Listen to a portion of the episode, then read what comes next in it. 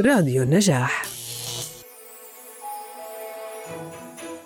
من بريطانيا في العهد الفيكتوري كانت سن تقاليد شجرة الكريسماس التي ترافق عيد الميلاد من كل عام إذ كانت الملكة فيكتوريا وزوجها ألبرت من أكبر عشاق شجرة الكريسماس.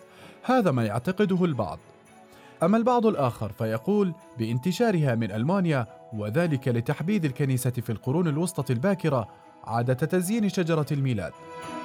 في عهد القديس بونيفاس كان أول ذكرى لشجرة الميلاد المسيحية حينها أرسل بونيفاس بعثة تبشيرية لألمانيا ومع اعتناق سكان المنطقة المسيحية لم تلغ عادة وضع شجرة عيد الميلاد بل حولت رموزها إلى رموز مسيحية وألغيت منها بعض العادات كوضع الفأس وأضيف إليها وضع النجمة فإلى ماذا ترمز النجمة والزينة التي توضع على الشجرة بأكملها؟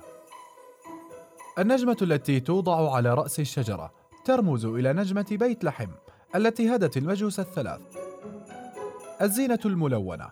تستخدم هذه الأشرطة الملونة للزينة في مناسبات مختلفة وليس لتزيين شجرة الكريسماس ويقال بأنها قديما كانت مصنوعة من رقائق الفضة وترمز إلى الثلوج المتساقطة على الشجرة. عصا الحلوى. تمثل عصا الراعي الذي اعتاد على توجيه الخراف. الأجراس. أجراس الكريسماس تأتي بأشكال وألوان مختلفة وتشير العديد من النظريات إلى أن الأجراس ترمز إلى الأجراس التي كان يستخدمها الرعاة لمعرفة مكان الأغنام. الأضواء والشموع.